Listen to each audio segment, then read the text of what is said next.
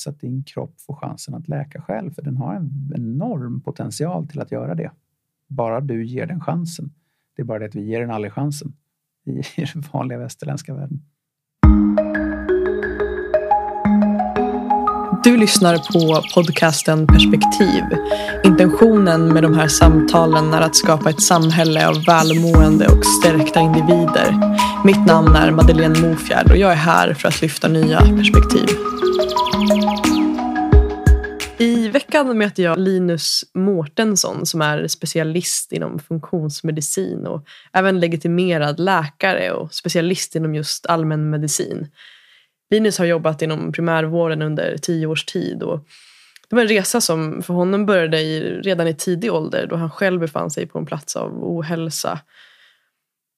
Det Linus insåg snabbt var att hans expertis inom den västerländska vården bara hjälpte honom att lindra patienternas symptom. Och den riktiga längtan och drivkraften var egentligen att hitta en väg till att, ja, men till att se orsakerna till symptomen och faktiskt hjälpa sina patienter att läka inifrån och ut. Här valde Linus att gå vidare till funktionsmedicinen som är en medicinsk inriktning som letar efter obalanser i kroppen och behandlar de underliggande orsakerna till framförallt kroniska sjukdomar och, och, och annat genom då framförallt livsstilsförändringar. Och det som jag verkligen fastnar för med Linus är det helhetsperspektivet som han har med de två olika benen från både västerländsk medicin och från funktionsmedicin. Och ja, men Jag känner att det skapar en sån enorm trovärdighet verkligen. Och de senaste sex månaderna så har jag själv gått igenom en djupläkningsprocess av symptom som, jag, som har gjort sig synliga på min hud. Det har varit en, en djungel av utforskande och min nyfikenhet och vilja att förstå min egen kropp har varit min absolut största tillgång på den här resan.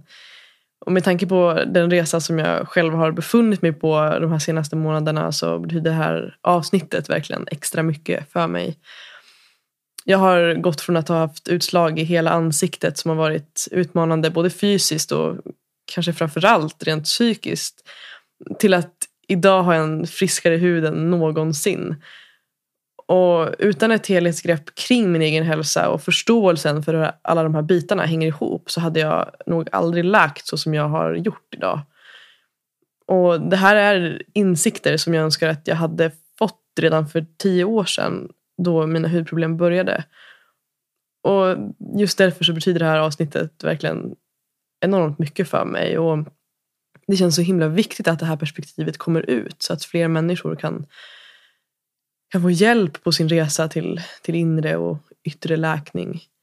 Så idag väntar ett samtal om att läka inifrån och ut genom att se till orsaken till symptomen och hur emotionell stress påverkar huden samt vikten av att ha tillit till kroppens förmåga att läka.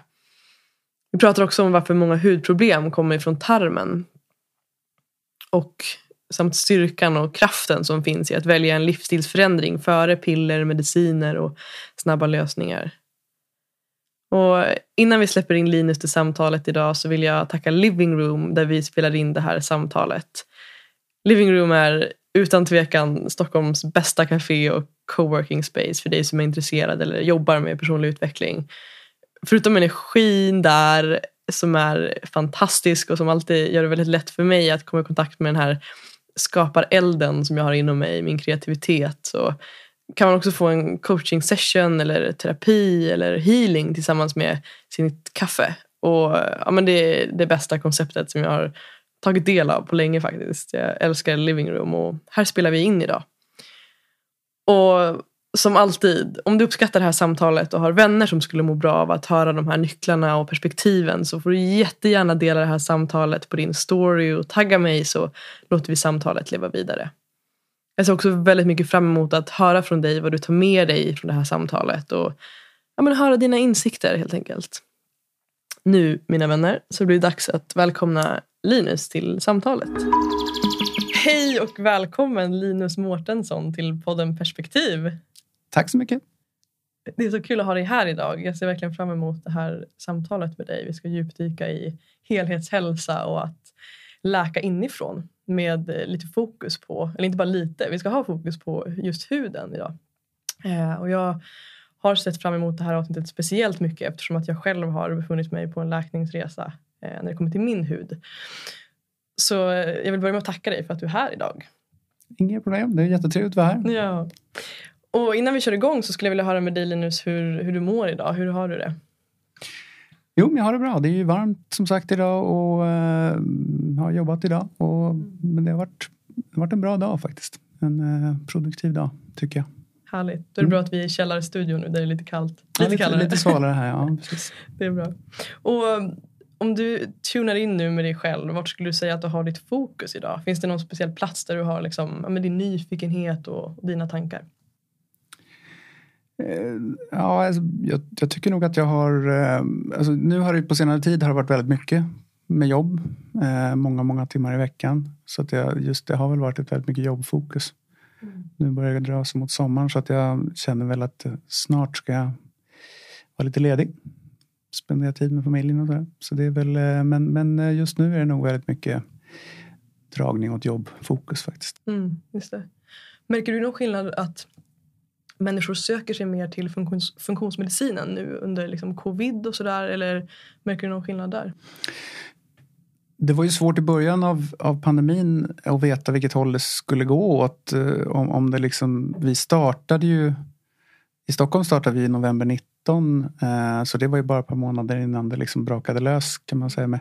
Så då kunde det gå ändra vägen. Men vi har nog upplevt att det snarast har eh, funnits ett större intresse. Men det, så, det finns ju ingenting att jämföra med. Så det, men, eh, vi har inte haft några andra, så många andra pandemier att jämföra med. Men det är ju, jag tror att eh, många kanske, att man har varit hemma och, och eh, sådär har fått upp uppmärksamheten för sin egen hälsa och sitt immunförsvar och för att de måste försöka tagit tag i sin hälsa på ett annat sätt tror jag många har gjort i alla fall. Så, det, det, ja, så den upplevelsen får jag. Och att det kanske också har ändrats. Att det har ökat till och med under det senaste året, eh, ett och ett halvt åren nu. Ehm, att i början var det mer att ehm, man, man, går hem och gömmer sig kanske med, med chipspåsarna lite sådär en stund medan sen så kanske det har ändrat fokus lite grann. Om det är så vet jag inte men jag tycker att vi har, vi har eh, det blir fler och fler som hör av sig och vi har mycket, mycket folk som, som vill komma. Mm. Men det känns ju också som att människor har fått mer tid till att fokusera på sin hälsa. Alltså att det har öppnat upp för mer liksom introspektion och inkännande på ett sätt. Så det, det skapar ju mening om vi tänker att människor har faktiskt sökt sig mer till, till, till funktionsmedicinen så. Eh, och helheten. Eh, men vad skulle du säga om du tittar tillbaka på ditt liv Linus? Vad, vad ser du att du är mest stolt över idag? Ja, som sagt, vi nämnde det precis lite innan. Så där. Det är klart att man behöver nämna att man är väldigt, väldigt stolt över sina barn och sin familj. Eh, och det är ju verkligen, om man nu ska se det till, till en själv och hur, hur eh, personligt så där så eh, är jag väl stolt över att jag har dels kunnat ta mig ifrån mina... Jag hade ju en, var ju dålig när jag var liten och även eh, långt, långt upp i vuxen ålder. Att jag kunde liksom hitta hitta ut ur det. Eh, att jag kunde liksom hitta en väg som funkade för mig. Eh, så det är jag stolt över. Och eh, liksom på senare år så är jag stolt över att jag faktiskt, när man har utbildat sig till läkare, som ju är det att, att bli som sagt specialist i allmänmedicin kan ta uppåt 13 år, det är lång tid och sen förväntas man kanske då jobba på en vårdcentral eller så men att att kunna ta steget ifrån det. Att kunna liksom säga, nej men jag tror inte riktigt på den här, det här sättet att bedriva vård. Eh, och jag måste få prova något annat som jag tror lite mer på. Eh, och det är jag stolt över, att jag faktiskt gjorde det. Och att jag nu kan göra det på heltid. Mm. Fantastiskt. Vilken resa. Det ska vi gå in på mer också alldeles strax.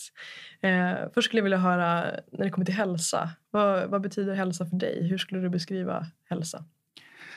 Ja, ibland definieras ju hälsa som frånvaron av sjukdom men det tycker jag definitivt inte att det är. Utan det är ju liksom snarare, alltså hälsa måste nog få definieras av varje enskild person och det märker man ju när man träffar patienter också. att Ibland har man ju en förutfattad mening när någon kommer in och säger att ja, men den här personen vill nog det eller det eller det. Och så visar det sig vara något helt annat som de har som...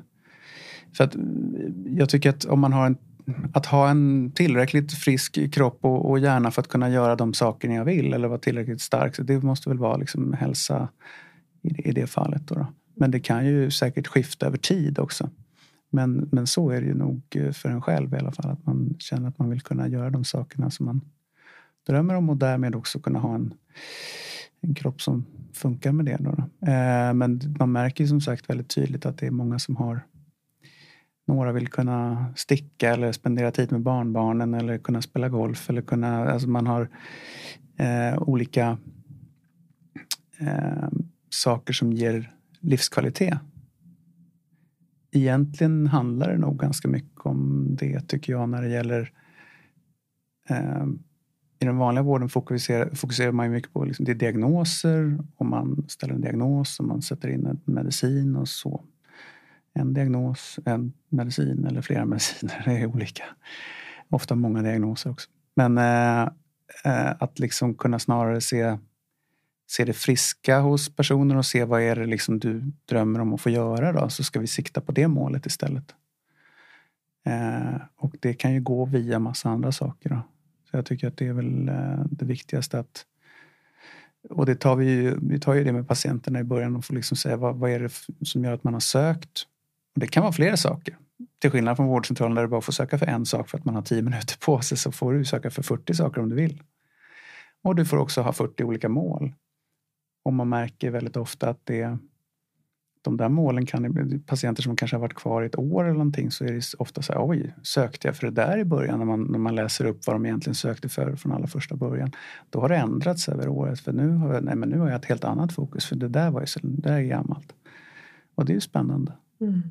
Så kan att, eh, utvecklas helt enkelt. Ja, det kan det göra. Och, men, men som sagt, att ha, att ha en äh, fungerande kropp och huvud det skulle väl definieras som kanske hälsa. Mm.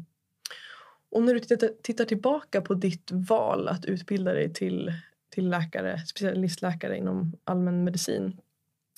Vad kan du se liksom påverkade det valet? Var det några speciella drivkrafter eller eventuellt några händelser som du var med om som gjorde att du, att du valde den vägen?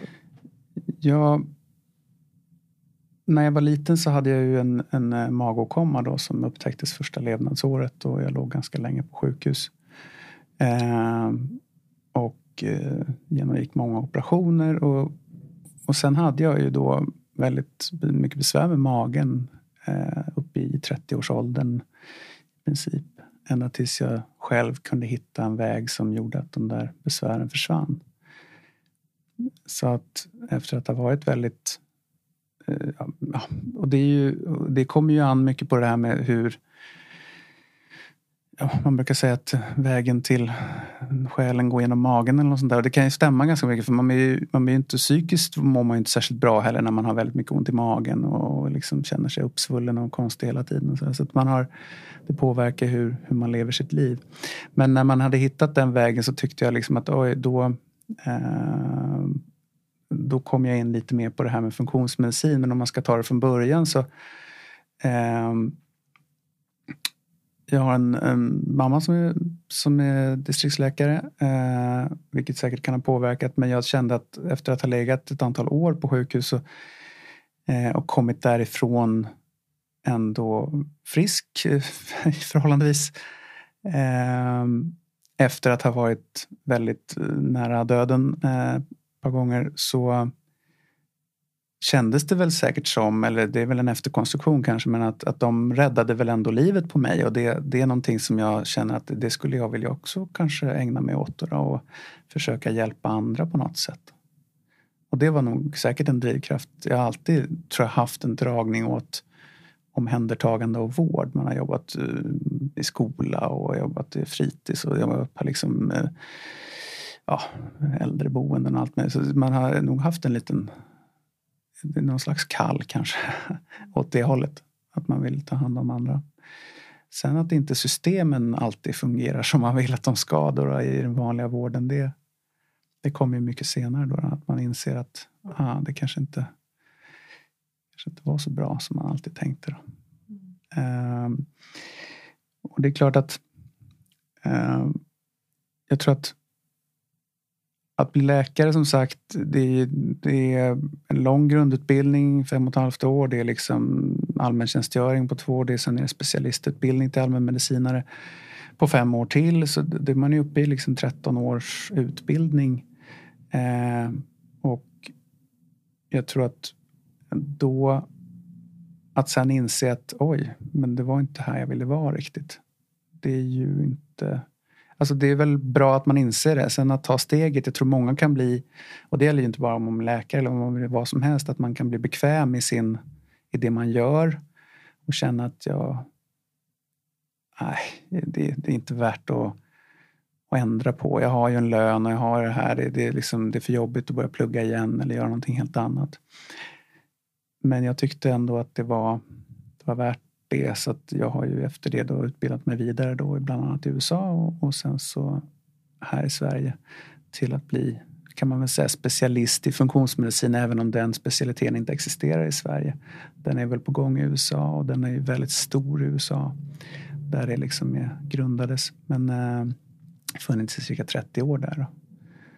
Men det, det håller på att växa och när jag började med funktionsmedicin i Sverige då var vi bara tre läkare i hela Sverige. Det var jag och Peter Martin i Göteborg då, och så var det Cecilia Fürst i Ystad. Då. Nu är vi ju fler. Bara på, på Fanmen där jag jobbar så är vi, är vi åtta nu tror jag. Ehm, och, eh, så det växer. Det är kul. Men det finns väldigt många funktionsmedicinska terapeuter som, som inte är läkare men som jobbar och har jobbat i många år också eh, ute i Sverige. Så det är ju det finns en underground-verksamhet som är stor kan man säga. Och när du säger just att du fick de här insikterna att du ville liksom välja en annan väg eller ja, men ta en liten ny riktning där efter dina 13 år som eh, inom, ja, fram tills vägen där till specialistläkare inom allmänmedicin. Vad var det där som eh, hände inom dig? Vad var det som du stötte på där du insåg att jag behöver ta en ny riktning och faktiskt fördjupa mig inom funktionsmedicinen? Ja, det var ju, alltså, från början var det så att jag eh, för ungefär, ja, jag kommer inte ihåg riktigt, 12 till 14 år sedan någonting, så, så gjorde jag en ganska drastisk kostomläggning då, då, som gjorde att jag blev av med mina besvär. Så kan man väl säga rent eh, krasst, det var faktiskt bara det. Och då, det gick så pass det var så, så otrolig förändring. Liksom. Alltså, det gick så fort. Alltså, efter att ha haft ont i magen i 30 år så tog det två veckor ungefär så försvann alla besvär. Och då blev det ju väldigt sådär ett uppvaknande på något sätt att oj, men vad var det de har glömt att berätta för mig på läkarlinjen? Det är någonting som inte stämmer här riktigt. Är det de vanliga kostråden, stämmer inte de då med tallriksmodeller och och pasta och bröd och kalaspuffar. Liksom. Eh, eller är det liksom, vad, vad, är det som är konstigt? Och jag som har provat att ta bort både laktos och, och gluten i perioder och det har ju bara hjälpt delvis och så, så händer det där. Så då började jag applicera det på mina patienter på vårdcentralen helt enkelt. Jag satte igång och ge kostråd enligt det till, till alla möjliga. Och det var allt från övervikt och diabetes typ 2 och över liksom högt blodtryck, akne, eksem, astma, allergier. Ja, you name it, liksom det, det mesta eh, pratade jag. Men i och med att man har ja, någonstans mellan 12 och 25 patienter per dag beroende lite på om man har mycket akuta patienter på en vårdcentral så hinner jag ju inte lägga ut texten särskilt mycket. Och många patienter kan ju tycka att jag är om de söker för ont i knät sen tre år tillbaka och jag börjar prata om vad de äter så tycker de att jag är lite eh, konstig helt enkelt. För de söker för knät. Varför pratar jag om det här? Och det är svårt att hinna gå in på liksom förklaringen till varför det skulle vara relevant. Eh, men eh, och då letade jag ju hela tiden efter liksom jag började jobba längre och längre in på kvällarna och det, liksom, det kändes som att jag jag brukar säga att jag hackade mjöl eller administrerade förfallet helt enkelt. Jag kom ingen vart. Man liksom sätter in nya mediciner. Okej Madeleine, nu får du en ny blodtrycksmedicin och så syns vi om ett år igen. Eller nu får du en ny kräm och smörja på din, dina hudbesvär här. Vi provar det. Ännu starkare kortison eller ännu starkare. Lycka till med det. Eh, och det kändes inte tillfredsställande varken för, för mig eller förmodligen för patienten heller. Även om man förstås kunde trycka ner symptomen. För det är ju det man faktiskt gör. Om man tänker på mediciner, om man liksom tar ett steg tillbaka och tänker på mediciner så i princip alla mediciner trycker ner ett symptom. Väldigt, väldigt få, om ens någon medicin, botar egentligen en sjukdom. Då måste man ju tänka, vad, ja, men vad, är, vad är sjukdom då? då? Vad är, ja, det är ju någon form av underlig... Alltså, när man hör det som läkare i början, när man, tycker, man hör ordet obalans, då, då ryggar man tillbaka och börjar tänka, oj vad flummigt det låter. Och det tänkte nog jag också. Liksom. Så här, men, men sjukdom är nog egentligen bara en samling av obalanser i kroppen. Så enkelt är det egentligen.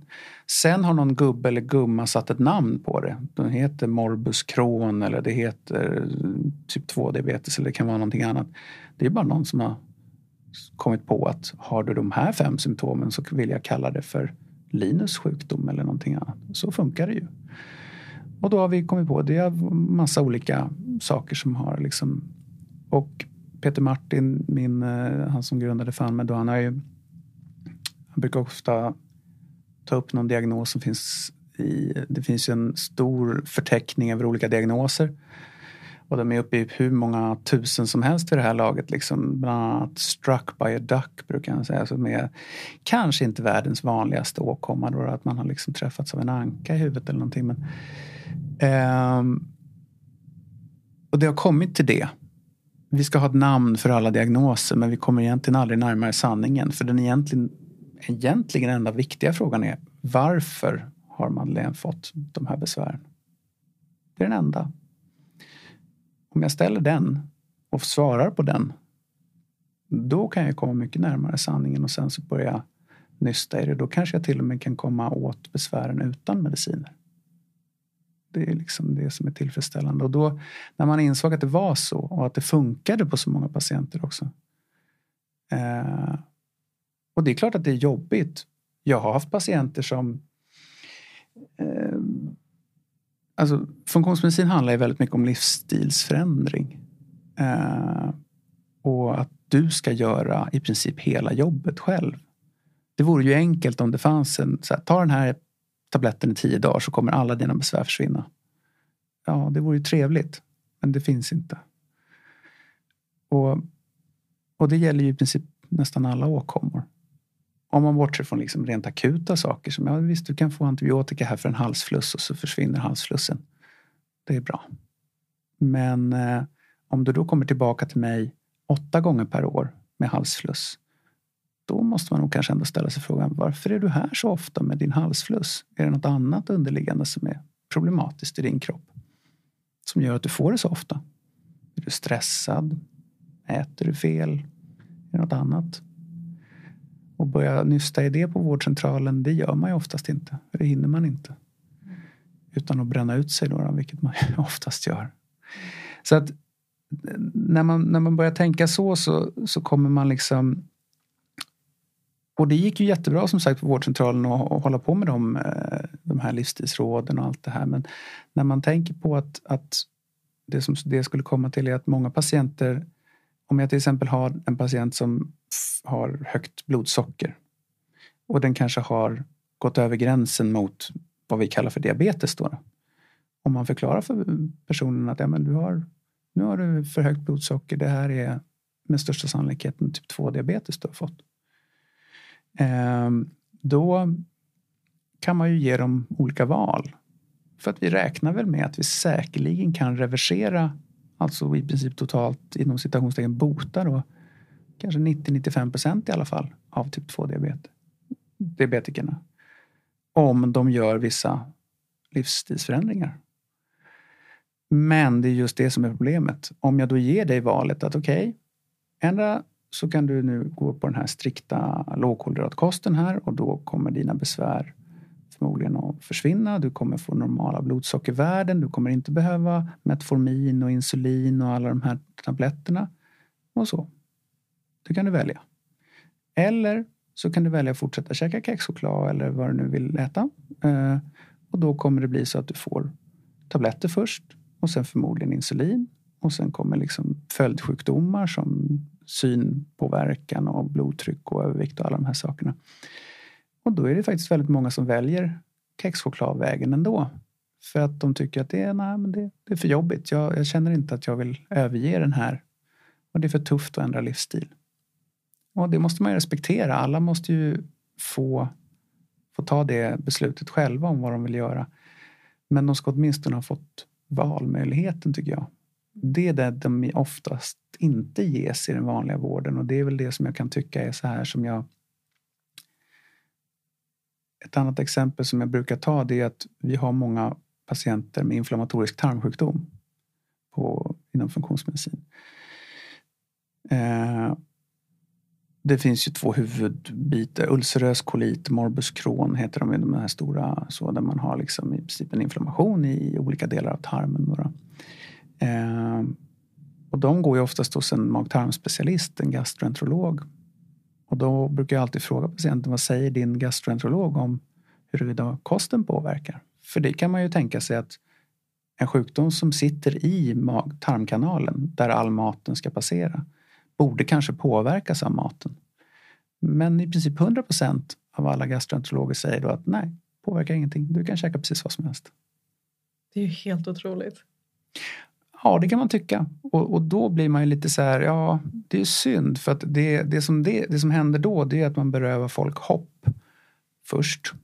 Och det tycker jag är rätt tragiskt. För det ska ju vara det sista som lämnar den på något sätt. Jag tycker att man behöver få en känsla för att faktiskt, för de, de flesta patienter frågar ju, kan jag göra någonting själv? Finns det någonting jag kan göra? Om man då får höra att nej, det är kört. Du får äta kortison här nu resten av livet eller alla de här starka immunnedtryckande medicinerna. Det är ju inte så upplyftande. Men om man istället kunde få veta att jo, men det finns faktiskt någonting du kan göra. Vi kan i princip helt reversera den här sjukdomen. I väldigt, väldigt många fall.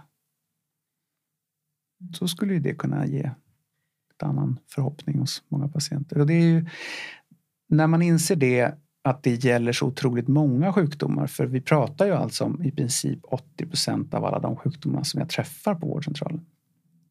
Det enda som inte liksom kanske direkt är lämpat för funktionsmedicin det är ju rent akuta saker. Stukad fot och öroninflammation och såna här saker där jag måste sätta in någonting precis nu. Liksom.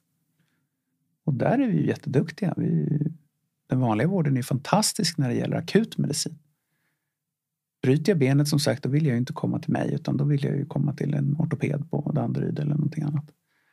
Men eh, och om jag får en hjärtinfarkt vill jag inte heller kanske ringa funktionsmedicinen det första jag gör. Men, men samtidigt måste man också se så här, kan det vara något som har lett upp till att jag fick en hjärtinfarkt? Eller något annat.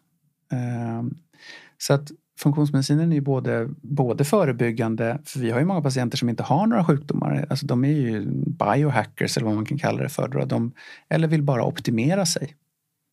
De kan komma för att de känner att oh, jag har hela min släkt har de här sjukdomarna. Jag skulle vilja försöka göra optimera så mycket som möjligt för att jag ska slippa få kanske demens eller vad det nu kan vara för någonting. Jag har haft patienter som kommer för att de tänker att ja, vi börjar bli lite äldre men jag och sambon vill skaffa barn och, och så kan man se om det finns några obalanser som skulle kunna... Det går ju inte att ge några garantier för någonting. Men man... Eh, så det går ju att använda på många olika sätt. De flesta kan ju dra nytta av det vi gör. Det är ju inte någon hokus pokus på något sätt. Liksom. Mm. Det är ju bara egentligen logik. Det är spännande det du säger här om att vikten av att få ges de båda valen när det kommer till sin läkning. Och där tänker jag det fastnar hos mig när, när du pratar om det. För jag, om jag då ska relatera det till min egen eh, läkningsprocess som jag har varit i så jag har ju någonstans ända sedan jag var liten haft problem med min hud. Eh, och det har tagits uttryck i form av eksem och utslag under olika perioder i livet. Så det har gått liksom upp och ner och sådär. Eh, och då har jag gått till olika ja, men, hudspecialister och det ska ha varit de bästa. Liksom, jag har verkligen fått, ja men sådär. Och, och och jag har, jag har aldrig blivit eh, liksom, presenterade någon annan idé än att smörja på mig kortison. Och jag kommer ihåg det senaste besöket jag var hos en hudspecialist så fick jag då eh, Ja, då var då var det alternativet jag fick var då att gå på en smörjskola som det så fint hette. Eh, och då skulle jag alltså lära mig att smörja in mig själv och det var med mjukgörande salva, de här klassiska Canoderm och sådär. Och då kunde jag inte hålla mig för skratt. Liksom, att ska jag gå en smörjskola? Jag har smörjt mig själv hela mitt liv. Liksom. Det är väl det jag är expert på. Liksom. Finns det inga andra vägar?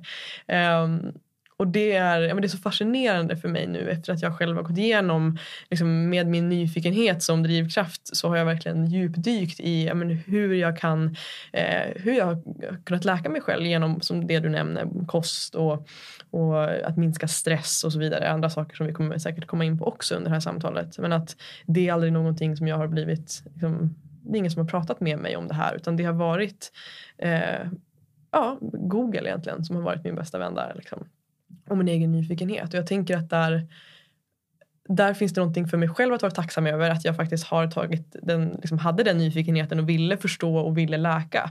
Um, men att där, som du säger, vi, vi tar ju den, liksom, den gåvan av att kunna läka på riktigt på djupet uh, ifrån patienter om de inte får valen. Um, och den känns så den känns sorglig på ett sätt. Och att nästa del av det då blir också den här liksom, Eh, frustrationen inom mig som jag kan känna inför att funktionsmedicin fortfarande har någon slags alternativ stämpel eller att det är flummigt eller eh, det finns någon också rädsla liksom, som jag kan höra ibland eh, hos människor att ja, men de vill bara tjäna pengar eller ja, att det finns den typen av kritik också. Och det, ja, men det finns något sorgligt i det, att den bilden lever kvar. Och det är också därför jag tänker att jag, jag vill lyfta in det här samtalet i podden för att, att lyfta de olika perspektiven och också förstå styrkorna i både eh, liksom den västerländska medicinen som du är inne på. Har vi akuta skador så behöver vi vända oss dit. Liksom. Eh, så jag tänker det handlar mycket om det, att se båda perspektiven. Eh, och jag tänker att men precis, jag landar lite i den frågan också. Jag skulle vilja höra ditt perspektiv på just den här kritiken som kan komma mot funktionsmedicin. Till exempel det som jag ofta hör när jag pratar med människor. Eh, både att här, det finns en bild av att vi saknar evidens inom funktionsmedicinen och att priserna är så höga. Eh, så vad är dina perspektiv på de två liksom, kritikerna som kommer? Eller kan komma?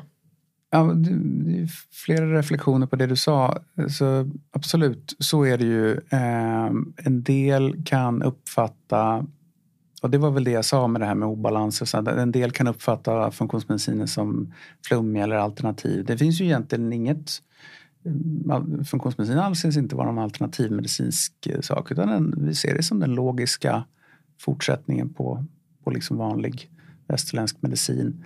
Alltså det enda egentligen sättet att gå framåt på något sätt för att vi ska kunna komma ur det. För man måste ju tänka på vad är det eh, vad är det som har gjort jag har pratat en del om hypotyreos, alltså underfunktion av sköldkörteln och sådär i andra poddar och så. Och det är ju det är ungefär 500 000 svenskar som står på Levaxin. Alltså som har en underfunktion av sköldkörteln. Eh, och det är ju en tjugondel av befolkningen. Och förmodligen är det ett större tal egentligen för vi alla har nog inte fått eh, medicinen ännu. Det skulle säkert vara ännu fler. Och då kan man fundera, vi tänker ju inom funktionsmedicin väldigt mycket evolutionsmedicinskt eller evolution. Liksom. Vad är det vi har, hur har det varit? Vad har vi ätit? Vad har vi eh, genom liksom, om vi har funnits i cirka två miljoner år. Eh, och sen kom spannmål och sånt först för 10 000, 12 000 år sedan ungefär med jordbruket. Det har vi inte ätit liksom sedan dinosauriernas tid direkt utan det är, det är någonting som har kommit ganska nyligen i evolutionsperspektiv i alla fall. Vårt DNA har inte liksom hunnit anpassa sig till det här riktigt.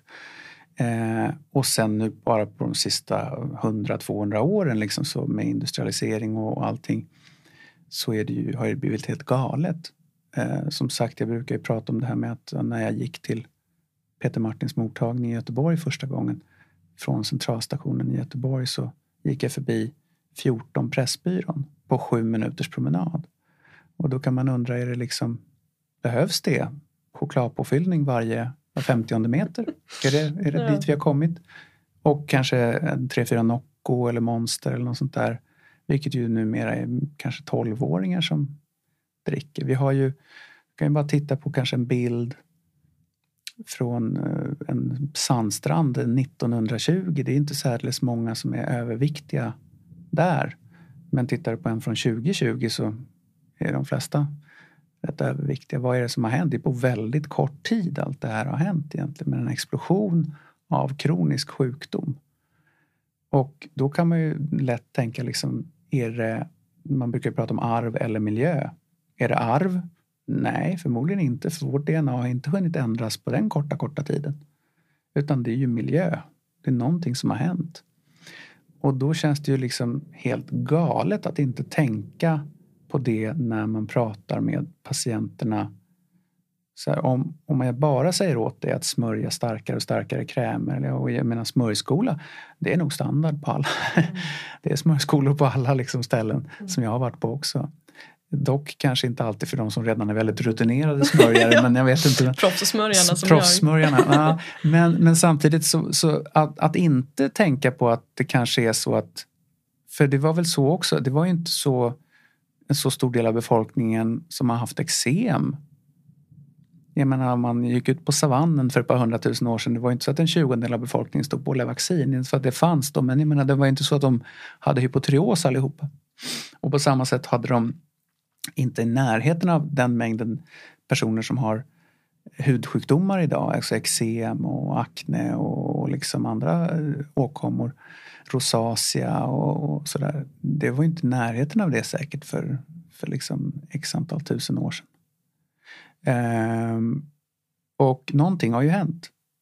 Och då låter det väl rimligt att man ska försöka åtgärda det som har hänt. Och då, vad är det vi, vi har gjort som har gjort att vi får de här besvären nu? och inte hade det tidigare. Så att, ja, och jag skulle svara på frågan, jag flöt ut lite, men jag skulle svara på frågan om eh, kritiken mot funktionsmedicin och kostnaden. Kostnaden, många tror att alltså, ja, det är dyrt att, att komma och träffa funktionsmedicinare, men man måste också se att när vi tittat på, när man räknar på vårdcentraler så vad det kostar att gå och träffa en läkare i en timme så är det drygt 3000 kronor. Men det är ju ingen som betalar det för de har betalat skatt och de betalar 150-250 kronor kanske. Eller någonting. Och de pengarna ser vi ju aldrig. Men när man sen har det i privat eh, för jag menar vi önskar också att vi skulle kunna bli subventionerade och komma in i den vanliga. Det är ju det vi jobbar för hela tiden. Att det ska spridas så att folk ska förstå att så att det ska kunna finnas det som alternativ. Eh, alltså, alltså i princip att man ska kunna, kunna träffa en funktionsmedicinare på vårdcentralen. För det är inte antingen eller. Alltså den vanliga vården, det är inte så att jag är emot den vanliga vården på något sätt. Den, har ju sin, den fyller ju sin funktion. Eh, men det vi gör har, en, har också en funktion. Men som sagt, eh, kostnaden hos oss i alla fall är ju till absolut största delen provtagningen. Den är ju överlägset största delen av det. Eh, och den är ju så pass stor så många tror att vi täljer guld med morakniv liksom, men det gör vi definitivt inte för vi har inte särskilt hög marginal. Det är nästan som man går back ibland eh, på det vi gör. I, om man ser till liksom hur många timmar vi lägger ner. Och många patienter kanske inte heller ser, ser hela den tiden. Om du ska komma till mig på Famnen så kommer du först fylla i närmare med någonstans mellan 160 och 300 frågor. Och jag kommer läsa dem, oftast dagarna innan. Kanske tar en eller annan timme och gå igenom och se liksom vad kan det finnas för punkter i liksom Madeleines historia. Där har jag ju lagt ner timmar och sen så kanske mötet med dig är en och en halv timme eller något liknande. Eh, och det är ju långt bara det för att, för att vara läkarmöte. De flesta är ju ganska mycket kortare.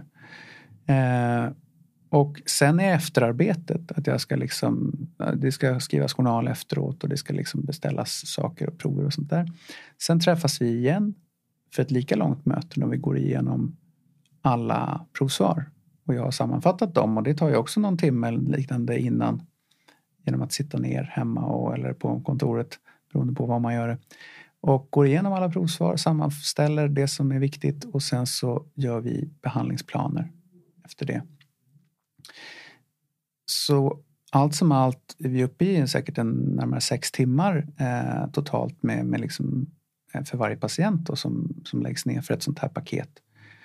Om man tar det först gånger 3000 kronor och sen så lägger man på att det är ungefär 20 000 kronor minst i, eh, i labbkostnader. För vi, de flesta labben ligger i USA och England och Tyskland. De är inte i Sverige. Det finns inga laboratorier som gör de här proverna. Många patienter tänker att jag går till min husläkare och ber, hon, eh, ber henne ta de här proverna. Men det gör de ju inte. De har aldrig hört talas om dem.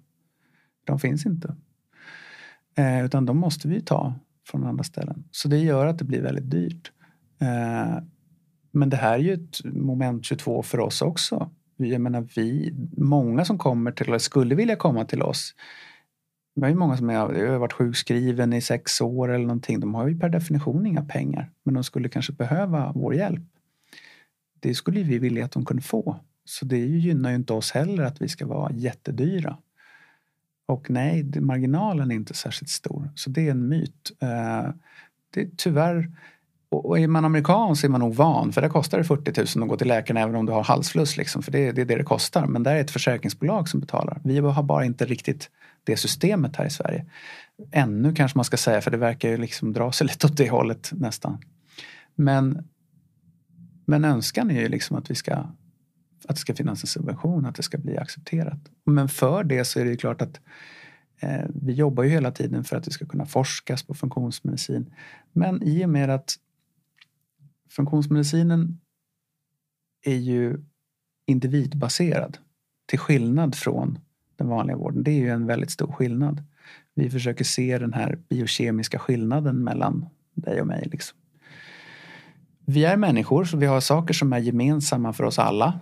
Att det är liksom vissa saker som verkar gälla för, för de flesta av oss för att vi har en viss ras av djur.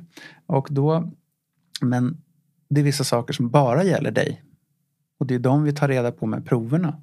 Så vi försöker ta reda på liksom, vad är det som gäller för Madeleine. Och sen inriktar vi behandlingen på det.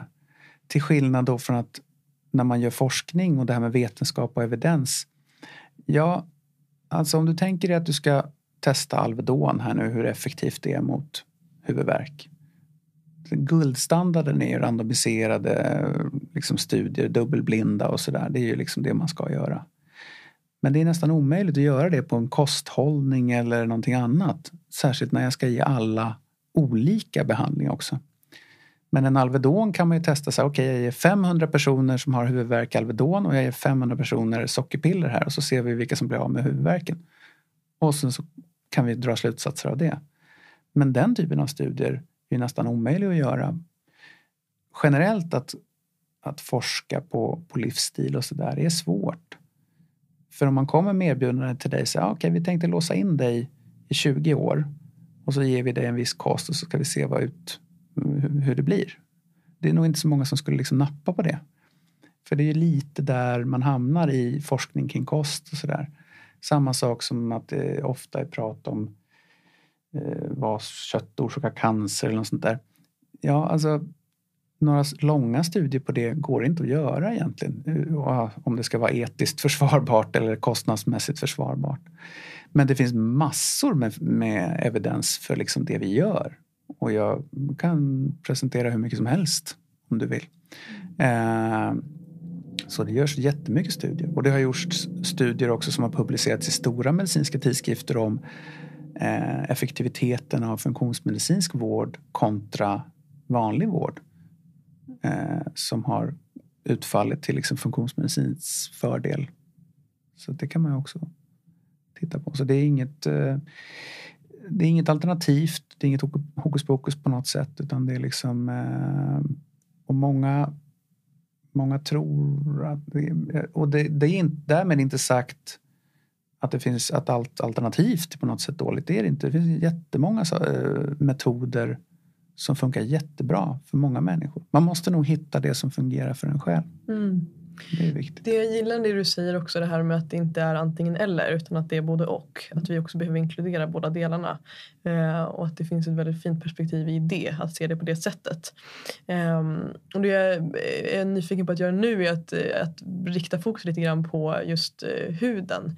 Eh, och i det så kommer vi också in på tarmen såklart. Ehm, jag är nyfiken på att höra och, och tarmen just också utifrån att jag som sagt själv har lagt om min kost mycket och blivit hjälpt utav det eh, och förstår att tarmen har en stor koppling till många hudproblem. Eh, så mm, vad skulle du säga, liksom, vad är det för väg att gå när det kommer till att läka tarmen och vad, vad är det för koppling mellan tarmen och huden? Hur kommer det sig att det är tarmen som påverkar huden? Liksom? Ja, alltså, det är ju ganska komplext att liksom gå in på det men man kan nog säga att eh, huden är ju vårt största organ kan man ju säga och den hjälper ju till att avgifta oss bland annat, precis som levern. Eh, och eh, när den påverkas av liksom vad du, egentligen av allt som, som du äter och som du, hur, hur livsstilen är i övrigt. Om du tränar, om du sover bra, om du stressar mycket eller om du utsätts för kemikalier. Idag så har vi ju vilket är också en skillnad mot kanske om man tittar evolutionsmedicinskt. Så här, vi smörjer oss med alla möjliga saker. Vi ska tvätta ansiktet hela tiden i speciella ansiktstvättar eh, eller olika saker som man använder. Eh, och det, man ska smörja sig med olika solkrämer och alla möjliga saker. Så det, ju, det, påverkar ju huden. Vilket man kanske inte har gjort tidigare också. Men mag-tarmkanalen eh, Ofta så märker man när man, när man börjar läka mag-tarmkanalen hos patienter att någonting, det första som ändrar sig är nog faktiskt huden. Även hos de som kanske inte ens har haft hudbesvär sedan tidigare. Eh, de tycker att de får en annan lyster i huden eller de får bättre hårväxt eller naglarna växer bättre eller det kan vara så. Så att det, den har en väldigt stark påverkan. Och där kan man ju förstås gå in på liksom ren biokemi men det tycker jag kanske inte man behöver göra här. Eh, varför det skulle vara så. Det är en påverkan på bland annat insulin och olika hormoner och sådär. Eh, som, som kan göra att man faktiskt att det uppstår. Eh, men som sagt, det finns vad som skulle kallas för the gut skin axis i princip. Då, på samma sätt som det finns the gut brain axis. Eh, så att det finns en koppling mellan depression och ångest och sånt och mag-tarmkanalen så finns det ju en koppling mellan hudsjukdomarna och mag-tarmkanalen. När man tittar på, på tarmen så är det ju egentligen två huvudsaker i tarmen som vi tittar på och det viktiga här varför man har sånt fokus på tarmen det är ju att eh, tarmen ska ju egentligen ta in och segregera eller så, ta in alla dina näringsämnen som du ska ha. Det är ju egentligen i princip aminosyror, fettsyror, eh, glukos, och, alltså sockerarter eh, och vitaminer och mineraler. Eh, där egentligen är det i princip stopp. Det är det den som ska ta upp eh, i tarmen så då, från maten i alla fall. Eh, och sen ska den ju också, det är ju en barriär, alltså, nu pratar vi i tunntarmen då, då. Den ska ju också hålla saker ute som inte ska in i blodbanan och inte ska träffa på din, resten av din kropp idag då när vi har liksom en, en kanske kosthållning i västvärlden som inte är optimal. Eh, där många äter mycket snabba sockerarter och sådär. Så påverkas det här väldigt starkt. Eh, och immunförsvaret påverkas väldigt starkt för att den utsätts hela tiden för saker som den inte känner igen. Alltså evolutions, evolutionärt. Den, den får liksom Red Bull istället för eh, något annat som den kanske skulle ha känt igen. Eh, och då reagerar den på det. Det är det som händer när, när du får, jag har många patienter som sökte när jag var på vårdcentralen att ja men jag, jag får utslag på kinden på lördagar och jag får liksom ont i höger armbåge på, på måndagar. Och så. Det, det är lite diffusa symptom, alltså att det kommer och går och man kan inte se något riktigt mönster i det. Så där. Det är ofta immunreaktioner på någonting som har liksom kommit in som inte är, är rätt. Och det i sin tur kan ju sen om, man, om det fortgår leda fram till autoimmuna besvär som kan vara eksem eller eh, andra hudsjukdomar. Eh, och det kan ju vara helt andra åkommor som hypotyreos eller MS eller andra autoimmuna besvär. Så att eh, de två sakerna som är liksom viktiga att tänka på när det gäller mag-tarmkanalen det är ju den här barriären eller tunntarmsväggen eller ska jag säga, som ska skydda dig och ta in saker som är rätt. Och i den väggen så, så brukar man prata om, det är ju egentligen ett enda cellager eh, i tunntarmsväggen. Och det är där det mesta av din näring ska tas upp. Och mellan cellerna ska det vara väldigt, väldigt tätt. Det kallas för tight junctions, alltså så täta tätt emellan så att det inte ska slippa igenom som gluten till exempel. Det är egentligen en alldeles för stor molekyl för att kunna ska kunna passera igenom tarmväggen. Men idag när vi har tarmläckage, som vi kallar läckande tarm, så slipper gluten igenom och får träffa på ditt immunförsvar och den känner inte alls igen gluten. Den tycker kanske inte alls om den och så ger den dig olika symptom. Så att tarmslemhinnan ska ju helst vara hel och tight så att den bara släpper igenom det som den ska göra. Men i takt med att man då eh, lever som vi gör så kan den här bli slappare mellan de här cellerna. Det kallas för leaky gut eller läckande tarm. Då eh, och det är ju vetenskapligt accepterat att det finns någonting som är det, att man får det här läckaget. Och det i sin tur brukar ju bidra till att man får en allsköns olika åkommor. Det andra man ska titta på i tarmen det är ju mikrobiomet, alltså bakterierna i tarmen och de andra sakerna som lever i tarmen kanske har runt ett och ett halvt kilo, ibland upp till två kilo bakterier och de ska ju helst bo neråt tjocktarmen till om man har en tjocktarm. Eh, och det kan ju variera från, beroende på vad man äter, eh, hur mycket bakterier man har och så. Men ungefär där som vuxen person. Och de styr väldigt mycket av eh, hur du mår. Eh, nästan ja, det mesta skulle man kunna säga. Så att, och sen hur man då ska sköta sitt mikrobiom, alltså hur jag ska liksom göra det. Ska jag mata dem med fibrer eller ska jag äta något annat för att de ska må som bäst? Det kan man ju alltid diskutera och det är det vi pratar med patienterna om också. Men de två, alltså tarmslemhinnan och det här med barriären i tunntarmen plus eh, bakterierna och tarmfloran helt enkelt. Det är de två sakerna som man siktar väldigt mycket på och som kan få eh, väldigt stora konsekvenser om de liksom förändras på något sätt. Vilket de ofta gör om man till exempel inte äter rätt och så. Men problemet för många patienter är också att det, det här tar ibland tid. Det är inte så att det händer över en helg att jag kanske fick läckande tarm utan det här är ju över år. Så ibland så kan det till exempel vara så att man äter, man tänker att man ska äta glutenfritt i tron att jag, gluten kanske jag inte mår så bra av. Men gluten är ju egentligen bara ett protein i, i liksom spannmål. Då kanske man äter havregryn istället som ska vara glutenfria. Och så visar det sig sen när vi tar prov att det kanske är så att du var jättekänslig mot havre istället. Och då har du ätit det ganska länge. Och så sakta men säkert så blir din tarm mer och mer inflammerad och irriterad. Och så småningom börjar symptomen krypa fram. Du tänker vad konstigt att jag har börjat liksom få mer utslag på sistone eller mera ont eller mera magbesvär eller mera huvudvärk eller ja, vad det nu är du har. Och då kan det vara det. Så detektivarbetet blir ju desto knepigare eftersom det inte alltid att det, allting händer direkt. Det är en sak om du är hasselnötsallergiker och du svullnar upp i halsen så fort du äter en hasselnöt. Då får du ju en direkt bekräftelse på att det där var inte så bra. Men det här är ju fördröjda födoämnesöverkänsligheter. Så de kan ju komma långt senare. Plus att, som vi har pratat lite innan här, att det är andra faktorer som också kan påverka när symptomen kommer.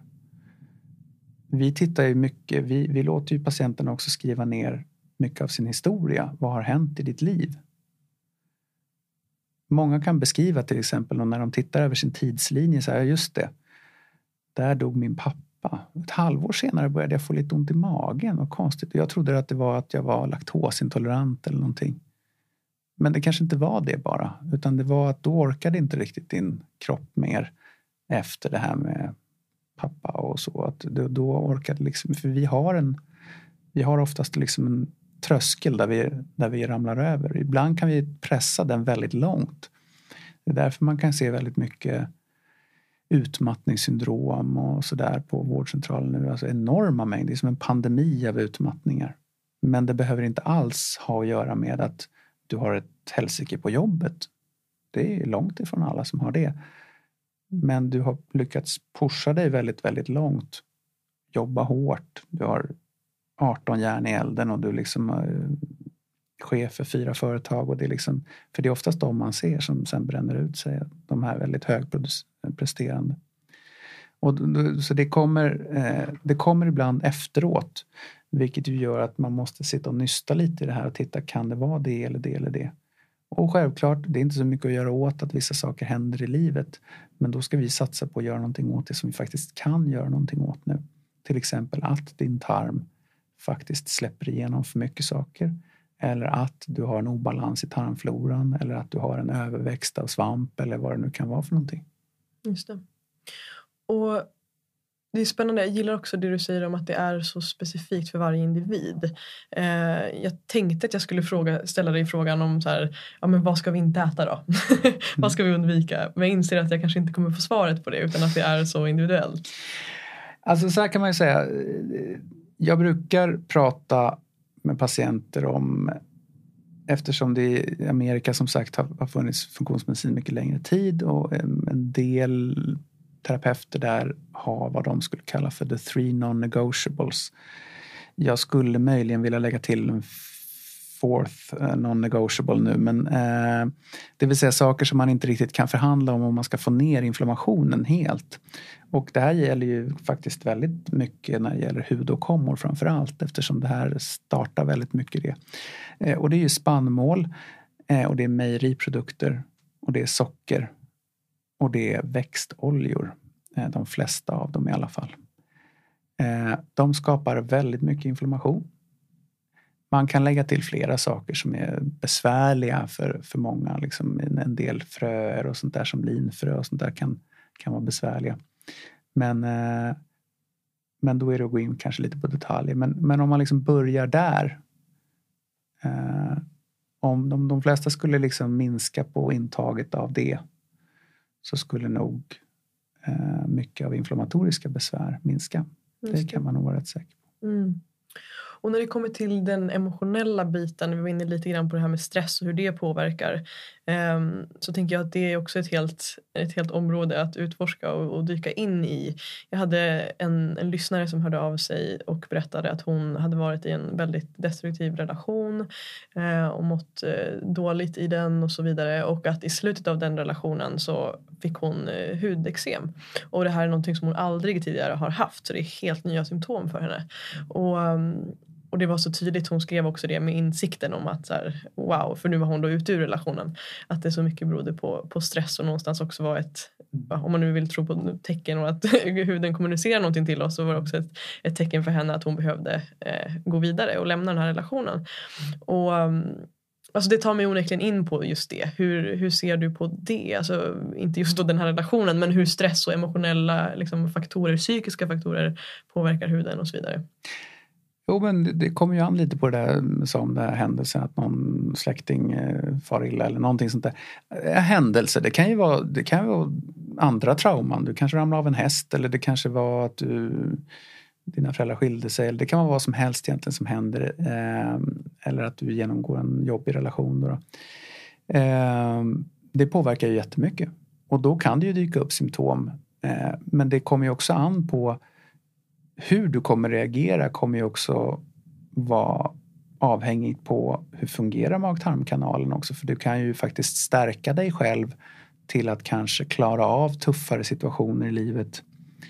Eh, för att jag menar, om man säger att man inte kan stärka sitt försvar så är det ju, det är ju egentligen bara fel. Eh, det är klart att du kan göra det. Eh, så att du kan, det vi gör om man säger förebyggande det är ju liksom att målet, målet med att vara läkare borde ju kanske egentligen vara, oavsett om jag jobbar på vårdcentralen eller någon annanstans, det är att patienten ska ha så mycket information om sig själv så att de inte behöver träffa mig något mer. Det borde ju liksom vara en rimlig målsättning. Så. Eh, för då, då har de ju tagit makten över sin egen hälsa på något sätt. Och du känner så här, ah, men jag, jag, vet, jag vet vad som är bäst för mig, vad, vad jag mår bra av. Jag kommer glida på målet ibland. Det är jul och det är en midsommar och det är liksom alla möjliga så. Alla, ingen håller sin kost till 100 procent eller eh, vad det nu är för någonting man gör. Men jag vet vad jag ska göra för att jag ska kunna må så bra som möjligt. Och jag lär mig hela tiden. Så det är ju en, det är en målsättning vi har. Men psyket påverkar ju, eh, och det märker vi ju hela tiden hos våra patienter. Liksom. Det är ju det är extremt viktigt. Och man måste ju börja vi börjar ju ofta, alltså eh, det finns en, en, institution som heter Institute for Functional Medicine, som IFM då i USA, som är väl det största organet, eller man ska säga utbildningsorganet och så för, för funktionsmedicin. Eh, och de brukar väl ha som eh, någon slags ordspråk att when in doubt treat the gut. Eh, det vill säga när du är tveksam till vad som är orsaken så kan du alltid börja med magen. Eh, och det stämmer ju i princip alltid. Eh, man kan alltid börja där. Och börjar man där så kommer man liksom rätt och eh, oftast på slutet. Men sen så kan det ju hända att vi liksom Eh, Eh, inte kommer hela vägen när, eh, med patienter, självklart. Eh, och det kan bero på olika saker. Ibland beror det ju på att patienten inte riktigt har följt det man har kommit överens om. Eller så kan det bero på att det är något annat bakomliggande som vi inte har liksom tagit prov för eller tagit testat. Men ibland så är det ju ofta att det finns psykiska faktorer som gör att det finns blockeringar liksom där, att man inte kommer hela vägen. Och att de får mycket symptom på grund av att det är liksom något annat som måste... De kanske inte får återhämtning som de ska. Eh, och de kanske inte har bearbetat vissa saker i livet som är jobbiga som sådana här saker som relationer eller vad det nu kan vara. Och det, det som jag fastnar vid är också det här som du pratade om att eh, precis att inte komma vidare och att eh, även om det är så att man kanske in, inte inte bär på en massa liksom, trauman eller stressfaktorer och så vidare utan bara så här, vi är alla människor och det är generellt sett ibland svårt att eh, genomföra stora livsstilsförändringar. Um, och, och där har jag på det temat fått in en lyssnarfråga som jag tänker att jag vill ställa dig nu som kommer från en, en kvinna som heter Helena Önneby hon frågar då hur, hur man kan göra för att förenkla för individen så att helhetsbegreppet inte blir så övermäktigt och att man istället alltså då inte gör någonting alls.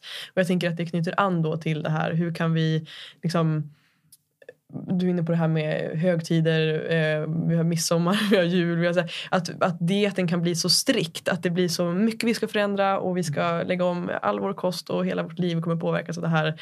Eh, ja, hur, hur gör vi för att förenkla det här och hur kan vi liksom förhålla oss till vår nya livsstil på ett sätt som gör att det känns kanske lättare, enklare och nästan härligare till och med mm. att genomföra de här förändringarna. Ja, härligare också. eh, jo men visst, många, många som kommer de kan ju uppleva att ibland när vi har gått igenom provsvar och sånt där så kan det kännas som att vi, vi kommer fram till en kost som är ganska, ganska restriktiv och den kan vara liksom det vi kallar för en eliminationskost. Och många har ju redan kanske provat på ett eller annat sätt att ja, men jag tog bort gluten där ett par veckor och provade om jag mådde bättre av det. Alltså, det är också en elimination. Um, så att eh, på frågan om helhetsbilden eh, så tycker jag att man behöver inte, i vanliga vården så ser man ju dig som olika organ eller man ska säga då. Att du, du är liksom, det, det är en, liksom en njure och en lever och en öron, näsa, hals och det är liksom så man har delat upp det i olika specialiteter.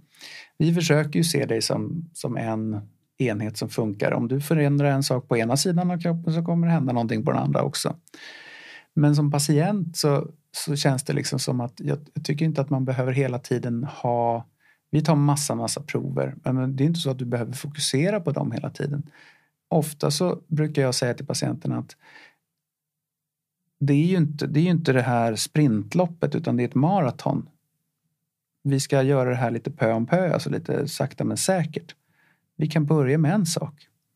Du kan till exempel du kan dela upp det i hur små delar du vill och så provar vi det. Och så utvärderar vi det efter en månad eller två eller tre eller vad vi nu känner. Som nu till exempel när det blir sommar. Då är det många som kanske inte vill sätta igång med värsta behandlingsplanen för eh, överväxta bakterier eller någonting när de ska till landstället eller någonting. Utan eh, då kan vi ju säga, ja men då drar vi ner det till liksom bara precis lagom. Att om vi, vi fokuserar bara på att kanske till exempel hålla oss ifrån spannmål till exempel. Det kan vara en bra målsättning. Och sen dessutom att man kan hålla sin kost till 80 procent. Ingen kommer nog att vara hundraprocentig någonsin. Eller ja, det finns väl de som är nära i alla fall. Men, det, men de flesta patienter kanske kan sikta på 80 procent.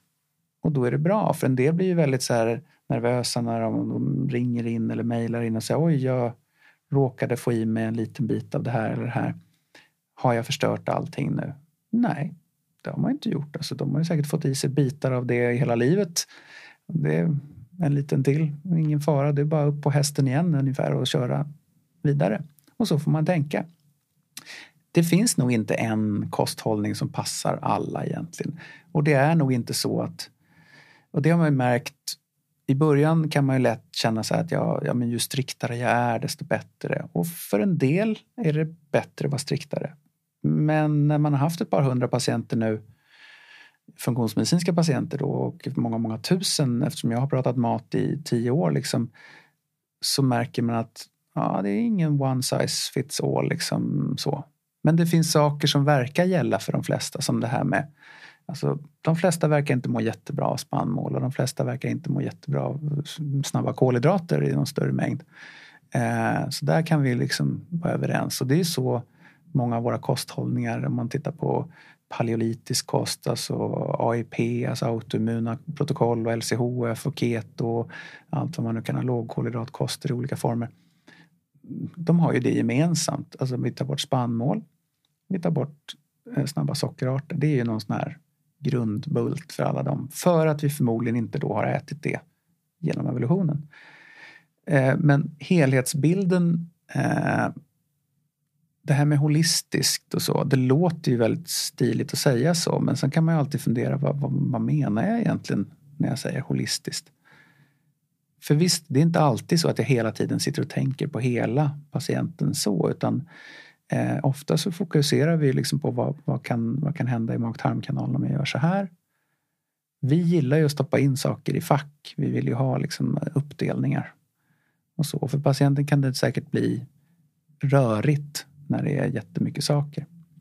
Men jag tycker att man bara kan... Om jag, när, när, när många säger att det liksom, den här planen känns väldigt rörig och det här, vi vet inte hur jag ska komma, kommer kunna klara det här. Vi har ju hälsocoacher som jobbar på FunMed som, som hjälper folk med vardagsproblemen. Då. Alltså, hur ska jag lösa det här i min vardag? Jag har fyra barn och jag liksom, hur ska jag lösa det med jobbet och allt det. Vad ska jag äta när och där, där. Då är de experter på det, liksom, att kunna sitta ner med dig och lägga upp en bra plan. Men de flesta eh, brukar jag dra ner det till, vi har ju en, en behandlingsplan som vi kallar för kost och livsstil och då brukar jag säga fokusera bara på den här ett tag. Bara det. Behöver inte ta några tillskott.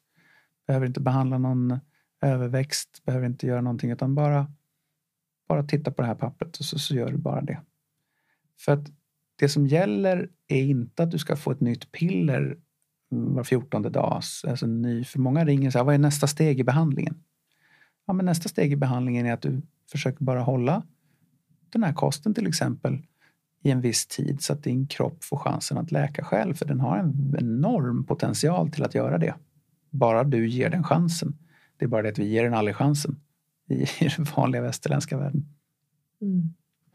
Och det är ju spännande med att ge den chansen. Och precis som du säger, det är ju fascinerande att kroppen faktiskt kan läka sig själv på många sätt och att vi behöver hjälpa den på vägen. Och en del som har varit viktig för mig i min resa är också min egen liksom, tro på att min kropp läker. Jag valde tidigt i min läkningsprocess att här, varje dag gå in i meditationer och verkligen rikta mitt fokus till att så här, ja kroppen jag tror på att vi läker nu.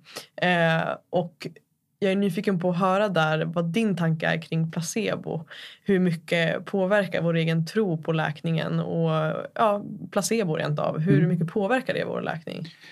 Jo, och det, och det tror jag är en, den påverkar ju jättemycket. Alltså jag läste faktiskt en Eh, och det tror man kanske inte att de hade, men jag läste en kurs i alternativmedicin på Karolinska institutet. De hade det. Där man, eh, man pratar kinesisk traditionell medicin, ayurveda, ja, alla möjliga olika former av eh, alternativa metoder och sådär. Och där pratade man om att det är ungefär 70 procent säkert ungefär som kan vara en placeboeffekt av en, all form av behandling. Alltså oavsett om du faktiskt har ett aktivt ämne som du behandlar med i form av kanske ett läkemedel eller om det är någon annan form av behandling som du, som du ger. Så, så länge patienten verkligen, verkligen tror på att ja, men det här kommer fungera så har det ju liksom en enormt mycket större potential. Och det ser vi ju också som sagt hos våra patienter när eh, patienter kommer in med olika motivation, liksom olika eh, tro på säkert vad vi sysslar med. En del med förstås en helt sund skepsis och det måste man ju ha. Jag tycker man ska ifrågasätta det som är liksom så att man liksom, att man, och vi försöker förklara alla de här sakerna som vi har pratat delvis om idag. Men på ännu mer detaljnivå när vi träffar patienten. Varför är det vi gör så här? Vad är det som gör att jag tycker att du ska kanske äta på det här sättet? Vad är det som gör att jag tycker att du ska ha en, en bra avstressningsmetod om du, du får välja vilken du vill. Det kan vara andningsövningar, det kan vara eh, meditation, det kan vara liksom mindfulness, det kan vara vad som helst. För den biten är väldigt viktig. Att du sover rätt. Hur är det med din dygnsrytm? Så här, alltså alla de sakerna är ju extremt viktiga som kommer påverka. Men att du tror på att det kommer att påverka dig är ju liksom helt avgörande egentligen. Då. Eh, men sen är det ju att, att göra det. Mm. Det är ju det svåra. Ja, det räcker inte hela vägen tror jag. Det är viktigt att påpeka också. Även om den har en stor ja, Vi kan ju ha världens, mm. världens bästa behandlingsplan men mm. om du inte gör den så kommer det Nej. inte hända så mycket. Men. Precis. Men jag gillar också det du säger det här om att vara tydlig med patienten också om varför. Alltså vad har vi för intention med det här? Mm. Varför ska du ändra det här? Så att vi också förstår det. För förstår vi inte det så tänker jag i alla fall personligen att det skulle vara om jag flyttar in i liksom min egen situation att det skulle vara svårt för mig att förstå varför jag ska göra ändringarna. Mm. Och har jag inte en tydlig intention eller ett varför så blir det också svårt att genomföra förändringarna. Um, så den är ju också spännande. Och ja, det känns som att vi skulle kunna prata i flera timmar till om det här och jag är så tacksam för den här timmen som vi har fått. Vi, det börjar bli dags att, att avrunda. Um, så jag tänkte att jag skulle vilja höra med dig om det är så att lyssnarna är nyfikna och skulle vilja djupdyka lite mer i de här ämnena. Har du några boktips till dem innan vi skiljer oss åt här idag? Eh, boktips som, som speciellt kring hud eller, eller jag funktionsmedicin? Generellt, hälsa, funktionsmedicin, whatever you got. Ja, precis. Jag hade fått någon fråga innan som en bok som jag läste när jag började äta på ett lite annorlunda sätt då, när jag la om kosten. Det var ju eh, det finns en, en doktor som heter Andreas Enfeldt, alltså Diet Doctor eller Kostdoktorn då hette den förut. Men han har skrivit en bok och den är ju många år gammal nu men den heter Matrevolutionen. Den tyckte jag, och det är fortfarande, den är upprörande kan man säga för den är liksom som nästan man blir förbannad när man läser om hur, hur pass lurad man kan ha blivit av, av liksom det vi har blivit tillsagda att äta. Och så. så den, det är ett bra tips så. Sen brukar jag, jag tycker om eh, Martina Johansson som är en eh, biohacker, väldigt, hon är väldigt duktig. Eh, hon har skrivit flera böcker, bland annat om hormonhälsa och det är hon väldigt Eh, skicklig på och liksom expert på. Betydligt bättre än vad jag är. eh, och, eh, så, så, hennes böcker eh, tycker jag är bra. Om man vill eh, komma in lite mer på funktionsmedicin så det finns en eh, amerikansk känd funktionsmedicinare som heter Chris Kresser. Eh, och han har skrivit en bok som heter Unconventional Medicine, eh, okonventionell medicin helt enkelt. Eh, där han beskriver eh, liksom hela situationen lite i världen och i Amerika kanske framför allt liksom kring de stora kostnaderna för vård eh, och varför liksom det här kommer i princip braka ihop sjukvårdssystemet om vi inte vänder på skutan och gör någonting eh, annorlunda. Den är ju väldigt eh, sådär tankeväckande tycker jag. Så att eh, ja, de kan man ju tänka. Tack för dina tips. Jag ska absolut kolla in dem. Och hur kan våra lyssnare göra för att komma i kontakt med dig och se mer av, eller liksom, ja, komma i kontakt med dig helt enkelt? Eh, ja, alltså jag jobbar ju på eh, FunMed då, eh, här på eller här på Kungsholmen eh, vid Fridhemsplan. Vi har ju nu eh, fyra, snart fem mottagningar i Sverige. Göteborg, Varberg, Halmstad, Malmö. Eh, Och man kan gå in på funmed.se eh, och där står det om mig och eh, kollegorna och alla som jobbar hos oss. Eh, och där finns det också mejl och telefon om man vill liksom komma i kontakt med oss eller boka. Vi har ju också, även om det har varit väldigt, väldigt svårt att få tiden nu, det har varit hårt bokat kan man säga, så, så har vi i vanliga fall sådana här introsamtal med oss också som är så 20 minuters samtal där man får prata med en läkare om om eventuellt funktionsmedicin skulle kunna hjälpa just dig. Då, då. Och det kan ju vara en bra ingång liksom. Den kostnaden dras ju av om man sen bokar. Alltså det, det kan man liksom gå in och boka ett 20 minuters samtal där man eh, får prata om. Då får man fylla också i ett lite kortare formulär där vi läser innan om just dina besvär och vad du önskar få hjälp med. Så att man inte köper grisen i säcken nu när det är så pass, ja men det är dyrt och, och det är en stor investering för många. Eh, men många patienter kanske ser det som att kan jag lägga 40 000 på bilen så kanske jag kan göra det på min egen hälsa också. Mm. Men jag tror också det är viktigt att vi har haft mycket webbinar och såna här saker och de finns nog att få tag i där, där vi går igenom olika ämnen. Det kan vara migrän, det kan vara hypotyreos och övervikt och allt. Vi försöker dela med oss av den kunskapen också för att de flesta där ute skulle ju faktiskt kunna göra väldigt, väldigt mycket själv utan att behöva träffa oss. Det är ju viktigt att tänka på. Det var ju det man höll på med på vårdcentralen i tio år. Liksom. Att, att bara ge råd. Mm. Och det kan man komma jätte, jättelångt med. Fint, men det är också viktigt att skicka med det att vi har mycket svar inom oss också. Verkligen. Um, och om du skulle få nå hela världen i 30 sekunder, vad skulle du då vilja förmedla? Oj. Det är ingen press här, det är bara... Nej, det var ju ingen press där. Uh, oj, hela världen i... Ja, men jag, jag tror att uh, som sagt, jag... Eh, nu när man ju, som, som jag sa i början, med fokus på jobbet så, så är det klart att en stor frustration när man har jobbat i den vanliga vården är just det här att liksom varför, varför tänker vi inte på de här sakerna som liksom livsstilsfaktorer och sånt där. Och jag, ja, skulle jag få 30 sekunder skulle jag nog prata om, om det. Alltså vad, att vi behöver se över vad som är orsaken till till folks ohälsa helt enkelt. Eh, så att, eh, något sånt. Mm, fint. Tusen tack Linus för den här timmen som jag har fått med dig och för all din kunskap som du har delat med dig av idag. Det har verkligen varit så inspirerande och jag är så peppad också på att få ge det här till lyssnarna som jag vet är väldigt nyfikna på just de här ämnena. Eh, och det är väldigt aktuellt för väldigt många människor. Så tusen tack för den här timmen. Tack själv för att jag fick komma.